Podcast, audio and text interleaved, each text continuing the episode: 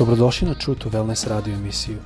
Da saznate više o nama, posjetite naš website truetowellness.com. A sad, vaš domaćin, dr. Todorović.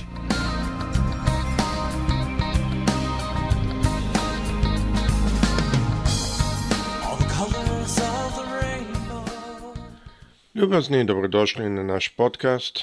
Ja vas pozdravim sve iz Floride.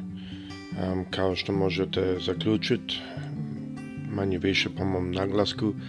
Ja sam ovdje odrastao, tako se izvinjam, moji srpski izrazi nisu uvijek najbolji.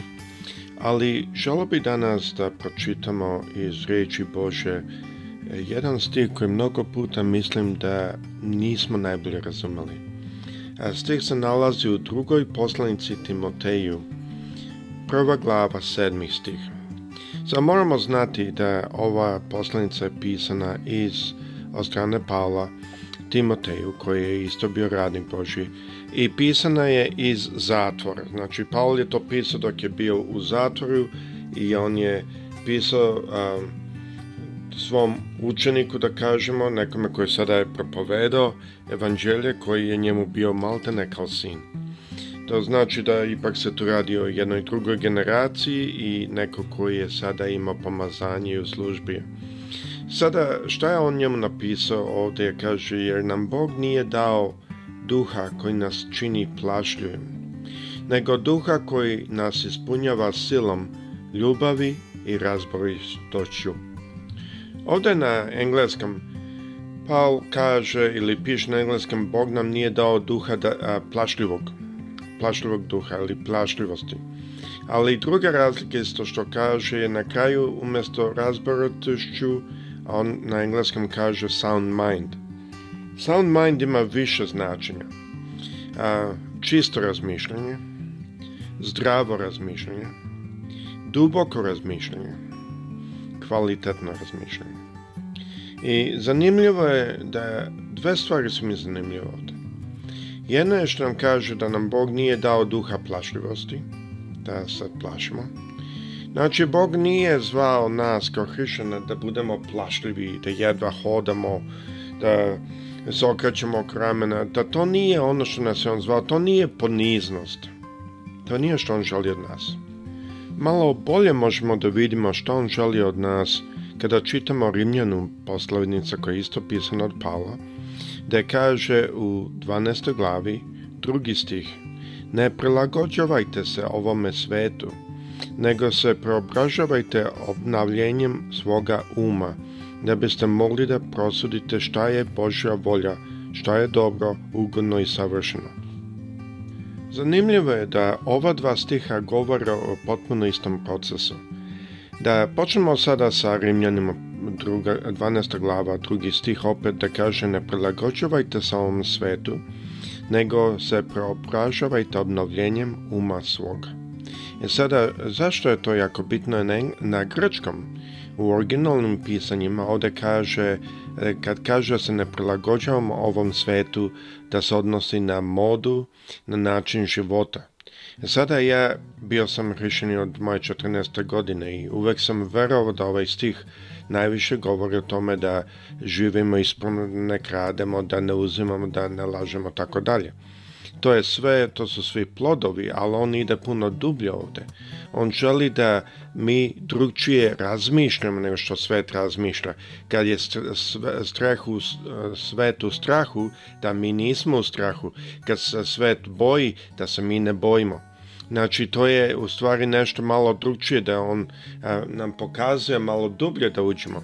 Ovdje to često možete vidjeti u ovoj zemlji, u Americi, sa Trumpom Jako, jako puno ga vole, a on mnogo puta, vidi se da slaže, mnogo puta samo mržnja, samo a, divizija izlazi iz njega. Mi na kraju, a, kao hrišćani, ne možemo se prilagodavati takvom stavu, bez razlika od koga da dolazi. E sada, zašto ovo bitno? Zato što ovdje kaže, probrašite sa obnovom svoga uma E sada tu, ako odemo sada nazad u Timoteju, možemo da vidimo opet da kaže Bog nam nije dao duha koji se čini plašljivim, nego duha koji nas ispunjava silom, ljubavlju i razborištoću. I e sada na engleskom kaže Bog nam nije dao duha straha, nego silu, ljubav, obnovljen um, da tako prevedem sa engleskog. Meni je uvijek zanimljivo kada možemo u riječi Boži da vidimo jedan jednu tajnu ili jedan redosled.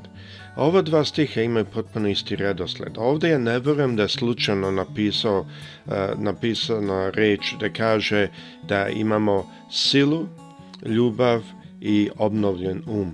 Zašto tako kaže? Ja sam malo to studirao i našao sam da ta sila je u stvari sila obraćenja.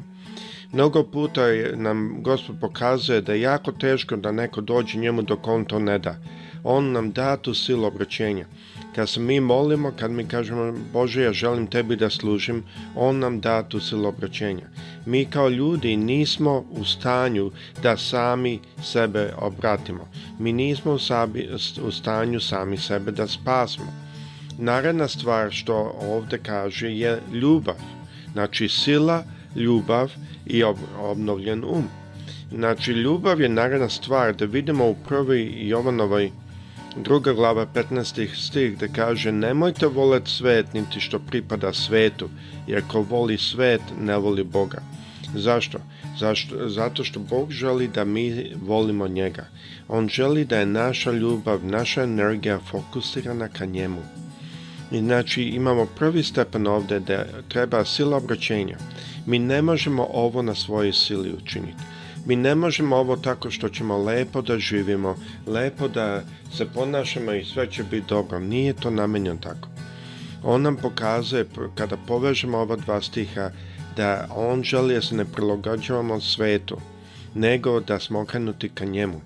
I to je jedna promjena ne samo duha, nego i srca. I tako da je jako bitno, mislim, da shvatimo da prvo moramo prići Hristu moramo da njega zavolimo. Moramo da znamo ko je on i da prihvatimo da mi želimo njemu služiti. Druga stvar je naša ljubav. Ceo naš život mora da je u hodu ljubavi. Mi ne možemo ljubiti Boga, mrzati svog brata. Vi znate da to piše u Bibliji. Znači, ceo naš život mora do jednom hodu ljubavi. I onda dolazi treća stvar – a ta treća stvar je da onda nam gospod daje njegov način razmišljanja. Jedan obnovljen um. Zašto? Zato što kaže u Rimljanima 12, 12. E, glava drugi stih da biste mogli da prosudite šta je Božja volja, šta je dobro, ugodno i savršeno. Ovo je jako bitno, jer ovo pokazuje da mi nismo u stanju to prosuditi, dok nam God, Bog ne da tu silu obraćenja i dok ne živimo u jednoj ljubavi, da bi imali obnovljen um. Naš um mora biti obnovljen, kao što u Efežinima četvrta glava 23 stih da kaže te da uz pomoć duha obnavljate svoj um. Ovdje opet pokazuje da nije kroz našu snagu, Znači, promjena koju Gospod želi da mi imamo je puno dublja nego da hodamo ispravno, da hodamo ponizno i tako dalje. Mnoge crkve su čak donale da hodaju s određenom garderobom, da izgledaju poniznije. U tome, kad su to uradili, u stvari su donali pogotovo potpuno istu situaciju kao što su fariseji radili. Jer nemojmo zaboraviti što kaže u Rimljanima 12. glava 2. stih te kaže da biste mogli da prosudite šta je Božja volja, šta je dobro, ugodno i savršeno. Mi ne možemo prosuditi ta, del ta tu Božju volju kroz naš fizički telesni um. Ovo je razlog zašto je Isus ima toliko sukoba sa farisejima. Zato što su oni pokušavali to kroz ljudski um dorade a on nas upućuje da mi moramo živjeti na jedan način da naš um bude obnovljen. Kad je naš um obnovljen, onda naši hod, naš život, naše hodanje će sve biti u njegovoj volji. Sada ostaje jedno pitanje. Zašto Bog ne želi da mi razmišljamo kao ljudi u svetu? Ovdje nadam se da vidite da se radi o tome ne samo da mi živimo ispravno, tako mnogi ljudi u svetu razmišljaju. Ja imam prijateljicu ovdje koja je iz eh, Tajlanda, koja je budista. I, ali mogu vam reći da ona živi pravilnije nego mnogi hrišani. Ali to nije ono što Bog želi. Znači, radi se o nečem drugom.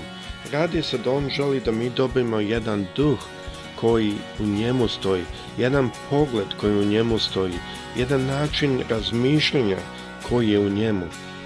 U Mateju 13. glava 22. stih mi vidimo da Isus objašnjava i opisa svojim učenicima šta je on rekao uz jednu priču, kroz jednu priču što je dao narodu. I u 22. stihu on kaže, ono sjeme što je posjeno u trnje, to je onaj koji čuje reč, ali briga za ove zemaljske stvari i za vodljivost bogatstva ugušiše reč, te ona ne donese ploda. Ovdje vidimo opet istu stvar. Vidimo zašto gospod ne želi da se prilagođavamo ovom svetu. Zašto? Zato što on pokazuje ovdje da ovaj svet ne može da stoji u isto vrijeme u našim srcima kad u riječ stoji, da jedno će ugušiti drugo. I sada vidimo, kada sve stajemo zajedno, vidimo jedan rukopis koji nam je gospod dao. Ili možda da kažemo jedano pravilo. To znači možemo sada opet ponoviti u Rimljanima 12. glava 2. stih. Ne prilagođavajte se ovom svetu, nego se preobražavajte obnavljenjem svog uma, da biste mogli da prosudite šta je Božja volja, šta je dobro, ugodno i savršeno. Ja e sada kada pogledamo u Timoteju, možemo da vidimo zašto i kako. Ovdje nam pokazuje da je nam Bog nije dao duha plašljivosti, nego nas je ispunio silom, ljubavlju i obnovljenim umom. Sada možemo da vidimo da to je razlog zašto Bog želi da mi stojimo ne prilagođeni svetu nego k njemu. Zašto? U ovom svetu je samo strah i muka. I zato Bog nas ne želi da stojimo u istom strahu imajući istu plašljivost, istu situaciju kao ovaj svet nego on želi da mi možemo da se dignemo iznad toga, da dozvolimo da njegov duh obnovi naš um, da bi mi mogli prosuditi i raspoznat šta se dešava. I vidite, to je jako bitno. Ovdje, pogotovo u Americi, da se ja sada nalazim, mnogi hrišćani ne znaju šta se dešava. Mnogi hodaju u strahu. Mnogi umiru od, ili od straha ili od toga što uzmu svoj pištolje pa se popucaju. Zašto? Zato što hodaju u strahu. Mnogi hrišani. Zato što ne znaju šta je Bog ostavio nama. On nam nije ostavio duha straha, ali on nam je ostavio jedan recept. Tako što dobijemo silu obraćenja i kroz ljubav fokusiramo se na njega. I tako što se fokusiramo na njega, dobijemo jedan obnovljen um, koji dakle, može da presuđuje šta je Božja volja, šta je dobro, šta je ugodno, zašto Gospod dozvoljava stvari, šta je savršeno Bogu. I na taj način mi možemo da živimo u njegovoj ljubavi, u njegovom miru i u njegovoj volji. Moja molitva je da nam Gospod da da razumemo ovo. Kao što sam rekao, sam bio hrišćan od 14. godine, ali mnoge stvari na novo svaćam i kao da nisam nikad razumeo ranije. Tako bez razlike ste vi hrišćani mnogo godina ili ste se tek obratili. Ovo je jako bitno da shvatimo šta Bog želi od nas. Ne radi se toko o na koji način živimo na spoljašnosti, mada to je plod od života unutrašnjeg. Bog želi da naš unutrašnji život vapi ka njemu i onda sve oko nas će donositi dobar plod. Gospod sa svima vama, želim vam pozdrav iz Florida. Prijetno!